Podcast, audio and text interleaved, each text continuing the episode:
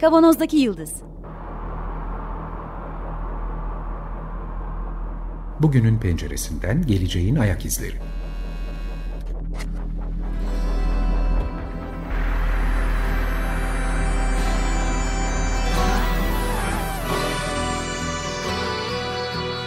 Hazırlayan ve sunanlar İsmail Başöz, Haluk Levent, Mustafa Yılmazer ve Fethiye Erbil. Zorlu Holding Sürdürülebilirlik Platformu Akıllı Hayat 2030, herkes için daha yaşanabilir bir dünya diler. Merhabalar, Açık Radyo'dayız. 94.9'da Kavanoz'daki Yıldız programında sizlerle beraberiz. Geçtiğimiz haftalarda başladığımız konuları, sohbetlerini devam ediyoruz. Mustafa burada. Merhaba. Mustafa, Mustafa Tın sesiyle katıldı. Haluk. Merhaba. Fethiye buradalar. Ee, Merhabalar herkese. Hepimiz evimizdeyiz, yanlış olmasın. Sosyal mesafe 3 kilometre. Şimdi geçtiğimiz haftaki programda çok ilginç bir şey olmuştu. Perşembe günü biz virüs salgınını, koronavirüs salgınını takip etmek için dünyada kullanılan temas takibini ortaya çıkarmak için kullanılan bir takım aplikasyonları gündeme getirmiştik. Ve bunun başarılı örneklerinden bahsetmiştik. Program kaydımızı programdan bir gün önce yapmıştık. Perşembe günü. Cuma günü sabah Açık Gazete'de Selim Badur'un katıldığı Korona Günleri programında bu aplikasyonların en iyi kullanıldığı yerlerden biri olan Singapur'da nasıl da salgının patladığını gündeme getirdi. İkinci Ve kez. biz- ve İkinci biz dalganın. evet evet ve bizim programda bir gün önce çektiğimiz halde akşam üzeri yayınlanmıştı ve bir konflikt oldu, bir ters düştük tabii. Ve bir haftadır da takip ediyoruz ne oluyor ne bitiyor diye. Bundan üç hafta önce Singapur'a bağlanarak Elif'le arkadaşımız, sevgili dostumuz Elif Erdem'le yaptığımız sohbet üzerine biz oradaki örneği başarılı olduğunu ifade etmiştik. Ee, bugün test etmek için bir telefon görüşmesi yaptım kendisine. Tekrar çok ilginç bilgiler verdi. Önce bunu paylaşalım. Evet orada bir telefon aplikasyonu kullanılıyor. Bayağı da yaygın olduğunu söylüyor. Bir takım kaynaklar 1 Nisan'da kullanıcı sayısının %12 olduğunu söylüyordu. Ama şimdi çok fazla e, %50-60 civarında insanın kullandığını söylüyor. Fakat bir yandan da o programda da belirtmişti ki bu sadece telefon aplikasyonuyla gerçekleştirilen bir olay değil. Peki dedim ne oldu? Hani başarılı örnekte patladı. Çok yükseldi sayı. İlginç bir şey gerçekleşmiş. Göçmen işçilerin çalıştığı özellikle Hindistan ve e, Pakistanlı, Bangladeşli işçilerin çalıştığı inşaat sektöründeki yatakhanelerde artmış. Bunun üzerine Singapur yönetimi, devleti işverenlere çok yoğun ceza vermiş. Ve oradaki işçiler, yatakhanedeki işçiler devlet tarafından alınıp hepsi otellere yerleştirilmiş ve her birine günlük 100 Singapur doları para ödeniyormuş. Ve üç öğünde yemeği veriliyormuş devlet tarafından. Daha da gitmem o otele ben. Singapur'a. E, Bu işleri çalışan işverenlere verilen ceza elbette ki tedbirlerin yeteri kadar alınmaması yüzünden olmuş. Girebilir miyim araya? Şey, Singapur'daki vaka sayısının artışından bahsediyoruz burada. Ama yani bizimle ya da herhangi bir Avrupa ülkesiyle, Amerika ile kıyaslanabilecek bir sayı değil bu artış. Kendi içinde çok yüksek bir artış ama ben size hemen şu an e, 23 Nisan Perşembe akşamı olan e, vaka sayısını söyleyeyim. 1426. Burası peak yaptığı, zirveye ulaştığı nokta olarak gözüküyor. Ve toplam ölüm sayısı çok şükür ki 12 Singapur'da. 12. Yani Evet. 10 Nisan'da herhalde 4-5 falanmış ki iki katına çıkmış bu artışla beraber. Ama çok yani hızlı oradaki grafikte izlenen çok yüksek bir artış var. Sebebi de 1100 kişi eklendiyse bugün Elif'in de bize Singapur'dan söylediği bu 1100 kişinin 1040'ı bu inşaatlarda kötü koşullarda tedbirsiz yerde çalışan göçmen işçilerin oluşturduğu bir e, sayı olduğunu söyledi bize. Tabii, Ve tabii. geri kalan dışarı e, insanlarda bu sayının 40'lı 50'li civarlarda gerçekleştiğini söyledi. E, bu da bize şeyi gösteriyor tabii. İstediği kadar teknolojik olsun yine de işçilerin ve gelir durumu düşük olan e, insanların buradaki maruziyeti çok fazla. Peki bu konudaki bu bilgiyi verdikten sonra tekrar konumuza dönelim. Filyasyon yapabilmek için yani test pozitif hastaların temas ettiği insanları bulup onları izolasyona gerekirse karantina, karantinaya alabilmek için kullanılan yöntemlerden bir tanesi bu telefon aplikasyonları. Ama mutlaka bununla beraber bildiğimiz konvansiyonel yöntemlerde kullanılıyor. Bu telefon aplikasyonlarının bir sürü çeşidi oluşmaya başladı. Geçtiğimiz hafta da bahsetmiştik. Mesela Singapur'da kullanılan da Trace Together aplikasyonuymuş. Bluetooth bazlı çalışıyor diye biliyorum. Mustafa e, bu konuda daha detaylı bilgilere sahip. Şimdi çok kısacık tekniği. Şimdi e, biz hani cep telefonu falan aboneliğine girdiğimiz zaman bazı kağıtlar imzalıyoruz ve bir AVM'ye veya bir havalimanına geldiğimiz zaman böyle bir takım reklamlar falan alıyoruz ya bizim oraya geldiğimizi görüyorlar, anlıyorlar. İşte aslında o tekniğe benzeyen bir teknikle bir şey yapıyorsunuz, bir uygulama yüklüyorsunuz. Bu uygulamayla artık takip edilebilir oluyorsunuz. Şimdi ülkeden ülkeye yapılan uygulamaların şeyleri farklı, e, seviyeleri farklı. Şimdi önce bizimkisini söyleyeyim. Bizim Sağlık Bakanlığı'nın Hayat Eve Sığar uygulamasında TC kimlik numaranızı filan da girerek bayağı neredeyseniz, kimseniz filan takibi açık hale geldiğinizi belirtiyorsunuz. Ve bulunduğunuz yerde, çevrenizde de nerelerde ne kadar vaka var. İşte filanca sokaktaysanız etrafınızda e, size yakın bölgede harita üzerinde ne vakalar var olduğunu görebiliyorsunuz. Bu bunun bir seviyesi. Burada neler hayaller kurulabilir. Ama teknik olarak sistem şu şöyle çalışıyor. Siz herhangi bir network'e telefonunuz mesela normalde Wi-Fi ve Bluetooth açıkken bir alana girdiğinizde Wi-Fi'ları kontrol ediyor. Telefon bağlanmaya çalışıyor ve kendini aslında bir çeşit deşifre ediyor. Veya Bluetooth'unuz da aynı şekilde görülebilir olursanız diğer sistemdeki bu uygulamaları yükleyince muhakkak görülebilir olmak zorundasınız. Bir yere geldiğiniz zaman veya bir sokakta dolaşırken bir AVM'nin önünde veya bir işte çok kabaca bir caddenin üzerinden yürürken e, o bölgeye yerleştirilmiş olan baz istasyonları veya Bluetooth istasyonları aracılığıyla siz şu bilgileri aktarıyorsunuz oraya. Ben örneğin e, iOS opera işletim sistemli veya Android işletim sistemli bir makine kullanıyorum. Benim Mac ID'm bu. Benim kimliğim kabaca makine olarak bu. E, yani isim burada isim görünmeyebilir.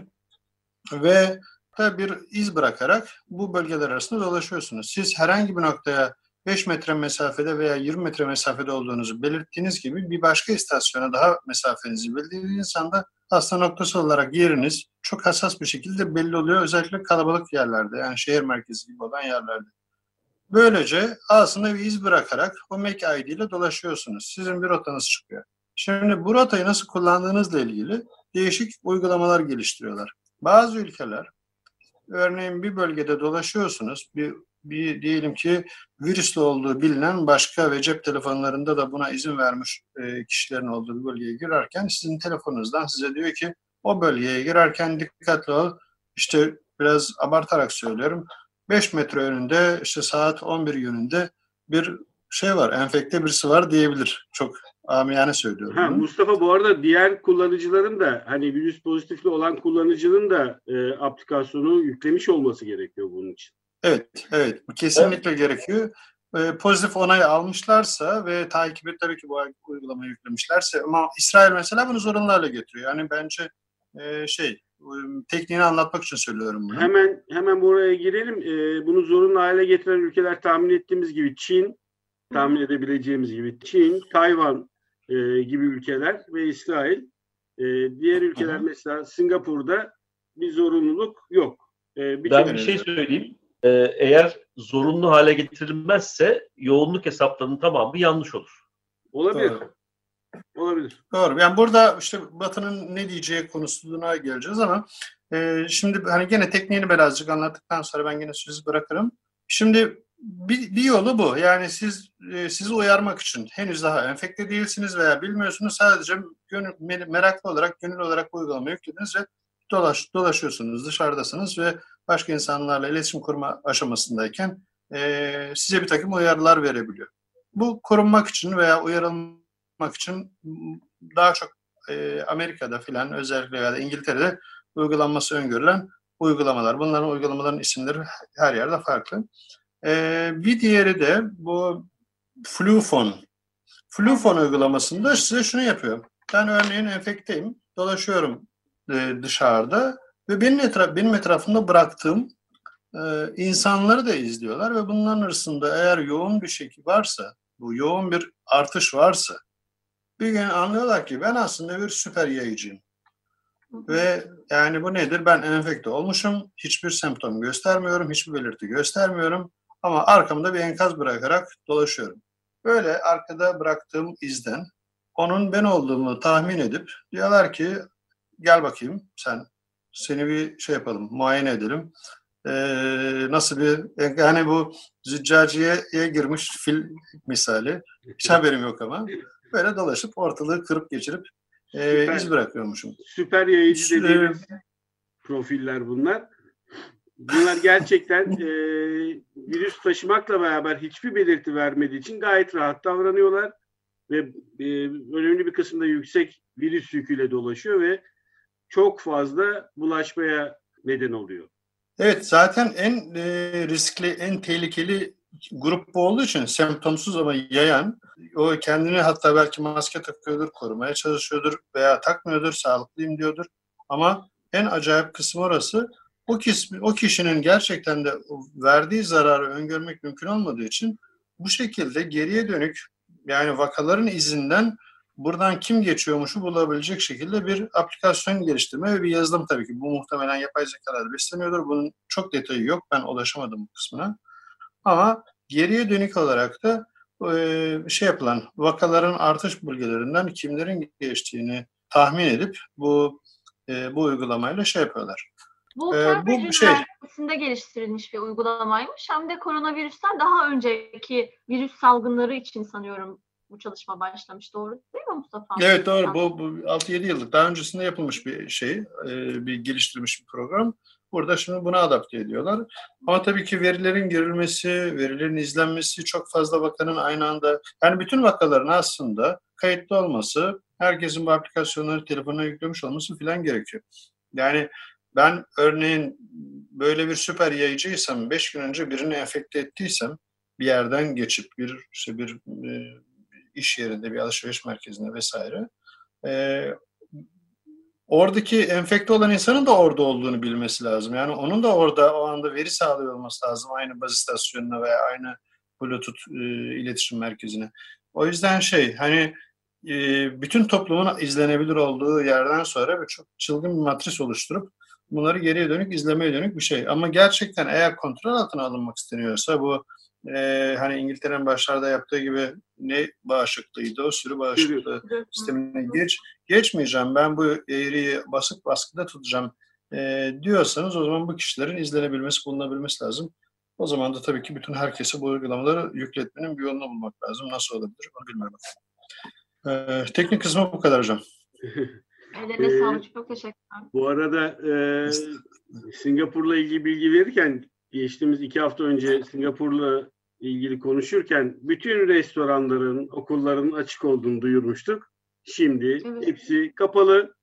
E, istedikleri kadar teknoloji kullansınlar. Olmadı ve onlar da okulları, restoranları, sosyal toplanma alanlarını hepsini kapatmış durumdalar şimdi. Bu çok ilginç. Yani belli sayıya ulaştıktan sonra bu artık kontrol edilemez sayılıyor ama düşük sayıdayken nispeten bu baskılanabilir ve normal yaşanabilir bir toplum kurabiliyorlarmış o zamanlar. Birçok ülkede denendi başta ama sayılar artınca bütün ülkeler aynı yöntemleri kullanmaya başladılar. Herhalde aklın ve pratiğin yolu bir oldu. Herkesin ortaklaştığı nokta burası. Ortak alanları kapatmak şeklinde tedbirler alınarak devam ediyor. Şimdi bu biraz önce bahsettiğimiz aplikasyonları demin söylediğim gibi zorunlu olarak kullanan ülkeler var. Çin, Hong Kong, Tayvan gibi. Mesela Hong Kong dışarıdan gelen bütün ulaşan bütün herkese, yolculara ya da e, Hong Kong'a gelenlere, dışarıdan gelenlere el bilekliği bu hani şey vardır ya bazı mekanlara, partilere, diskolara vesaire girerken takılan. Evet ama o zaman her şey bedava oluyor benim bildiğim. Bilekliği o, taktım. Her şey dahil tabii. her şey her şey dahil. Bunları telefonla eşleştirerek e, hareketlerini izleyen ve izolasyonunu takip eden sistemler kurmuşlar. Ve mutlaka burada da istediği kadar elektronik e, malzeme kullanılsın. Tabii ki e, güvenlik gücü eşliğinde gerçekleştiriliyor bu e, takipler. Yaptırımı güvenlik gücüyle gerçekleşiyor. Singapur'da örneğin bir de şey vardı sesli arama değil görüntülü aramayla e, izolasyonların hmm. takip edildiğini hatırlıyoruz. Şimdi bütün bu uygulamaların arkasında tabii ki tartışılıyor. Önümüzdeki hafta sevgili dostumuz Güçlü Akyürek'le konuşacağız. Hukuk boyutunu ayrıca konuşacağız ama bunların işe yararlığı konusunda da e, önemli e, açıklamalar geliyor. Bunlardan bir tanesi Jason Bay işte bu Trace Together yani Singapur'daki uygulamayı geliştiren ekipten bir isim. Dünyada herhangi bir aplikasyonun geliştirilen şu ana kadar geliştirilen herhangi bir aplikasyonun manuel ya da konvansiyonel yollarla izlemenin yerini alabilir mi sorusuna vereceğim cevap hayır diyor. Kendisi uygulamayı geliştiren isimlerden birisi normal yollarla yapılacak olan takibin, temas takibinin henüz yerini alabilecek bir aplikasyonun geliştirilmediğini e, ya da şu anki aplikasyonların buna e, yetmeyeceğini ifade ediyor. Yine Kolombiya Üniversitesi'nden çalışmalar yapmış ve halk sağlığı konusunda ciddi çalışmaları olan An Liu bu bir silver bullet değil, bu bir gümüş kurşun değil, bir bilgi alma yolu. Özellikle COVID-19'un hareket hızı bu kadar yüksekken elbette kullanılması gerekiyor. Ama unutmayalım ki bu sadece bilgi toplama yolu. Bu bir büyük bir projenin büyük bir çözümün bir parçası. Evet. Evet, büyük bir projenin bir parçası olarak ancak düşünülmesi gerekiyor. Bunlara bu kadar büyük yük, e, büyük sorumluluk ve büyük beklenti yüklemeyelim diye ifade ediyor. Ee, yine çok doğru, çok güzel bence. Biri. Bir yandan da şeyi hatırlamak lazım yani bu takip sistemi ile birlikte e, test kapasitenin de doğru orantılı olması lazım. Yani takip edeceksin de insanları herkesi takip etsen ne olur? Test edip e, pozitif e, teşhisi koyabildiğin insanları izole etmen lazım. E, elinde yeterince test yoksa takibin çok da bir anlamı kalmıyor açıkçası o noktada. Belki test kapasitesini biraz güçlendiren, biraz onu destekleyen bir mekanizma olarak düşünebiliriz ama tedavinin bir parçası, büyük bir parçası değil benim de anladığım kadarıyla. Evet, topluca yapılmış büyük bir projenin bir parçası olarak düşünmekte fayda var. Test yapmak, hastane organizasyonlarını yapmak, izolasyonları takip etmek, e, bunun e, takibi sırasında diğer yöntemleri, bildiğimiz polisiye yöntemleri, polisiye demeyelim de hani bildiğimiz güvenlik yaptırımları yöntemlerinde kullanımı söz konusu. Hepsini birlikte ancak değerlendirmek gerekiyor. Ve bunların içinde bir parça olarak bu aplikasyonları, tek teknoloji uygulamalarını kullanmak gerekiyor. Şu ortadaki bu artık hayatımızın diğer programlarda da söylediğimiz gibi hayatımızın önemli bir parçası haline gelebilir. Çünkü daha önce yine daha önce de belirttiğimiz gibi insanlar ölmekle özel bilgilerini vermek arasında bir tercih yapmak durumunda kaldığı zaman özel bilgileri vermeyi tabii ki tercih edecekler. bir yere kadar yani. yani büyük ihtimalle böyle olacak. Ama tabii ki insan hakları savunucuları bu konuda gerçekten yine de büyük tartışmalar yapıyorlar. Özel hayatın korunması amacıyla çok büyük kavgalar vermeye çalışıyorlar. Google ve Apple gibi organizasyonlar kullanıcıların kimliklerini gizlemek için yeni dizayn yapmaya başlamışlar.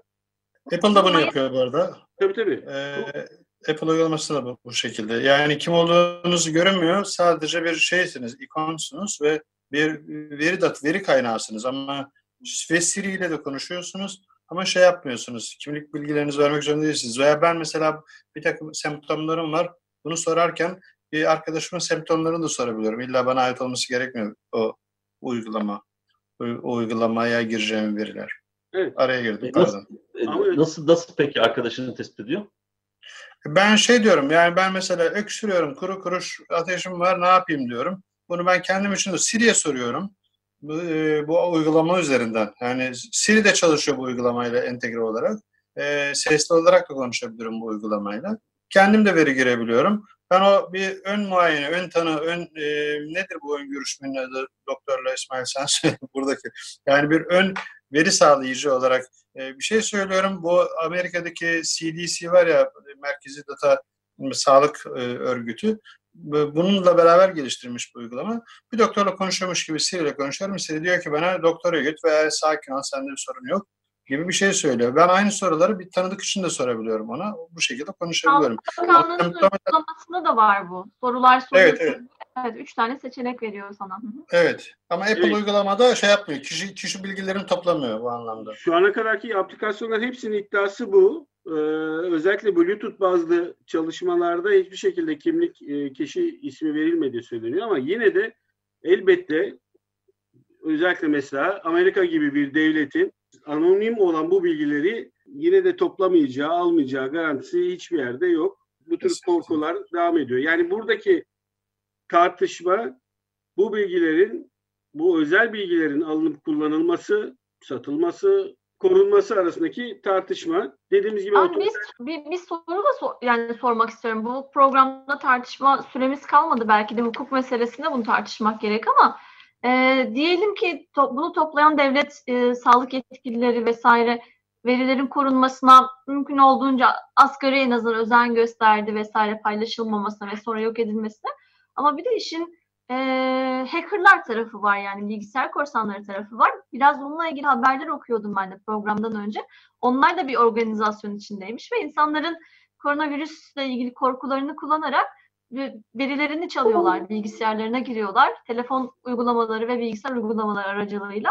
Ya o programı hacklerlerse ve oradan benim hem telefonumda hem de bilgisayarımdaki bütün özel dosyalarımı alırlarsa, işle ilgili dosyalarımı alırlarsa bu da herhalde tehlikelerden biri. Sadece devletlere güvenip güvenmeme meselesi değil, genel olarak internet güvenliği meselesi galiba bu. Bir, bir şey söyleyeyim. Bu smart olmayan telefonlarda, akıllı olmayan telefonlarda Bluetooth falan var mıydı hatırlıyor musunuz? Vardı. Hı hı.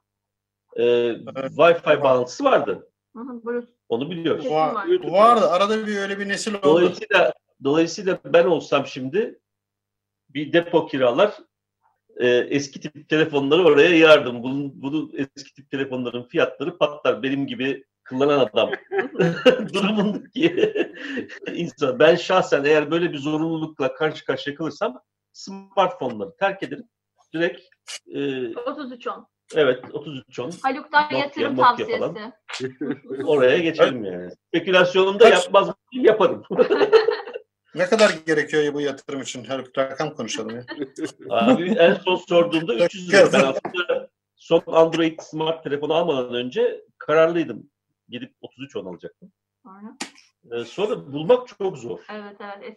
Yani o kadar çok biliyorsun. Fakat e, geçen yıl galiba bir üretici bunu tekrardan üretmeye başladı akıllı olmayan telefon. Var var. Var. Evet. Hala var yani. Yani Sıfır sayı artmış olabilir.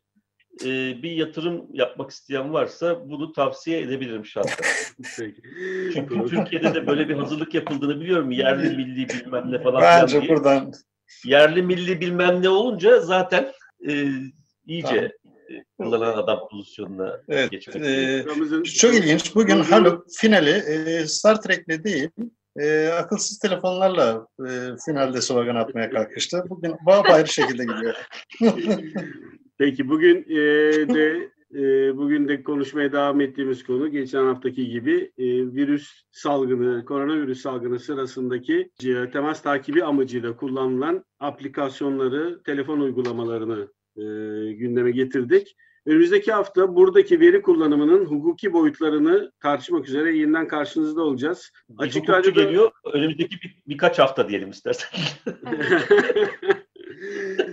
Açık Radyo'da bu yayının gerçekleşmesi için e, çalışan bütün arkadaşlarımızın ellerine sağlık. Destekçilerimize teşekkür ediyoruz. E, önümüzdeki hafta görüşmek üzere. Hoşçakalın. Hoşçakalın. Hoşçakalın. Görüşmek üzere.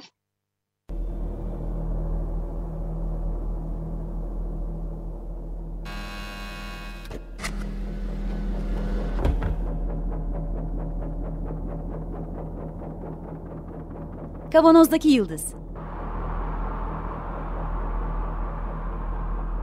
Bugünün penceresinden geleceğin ayak izleri.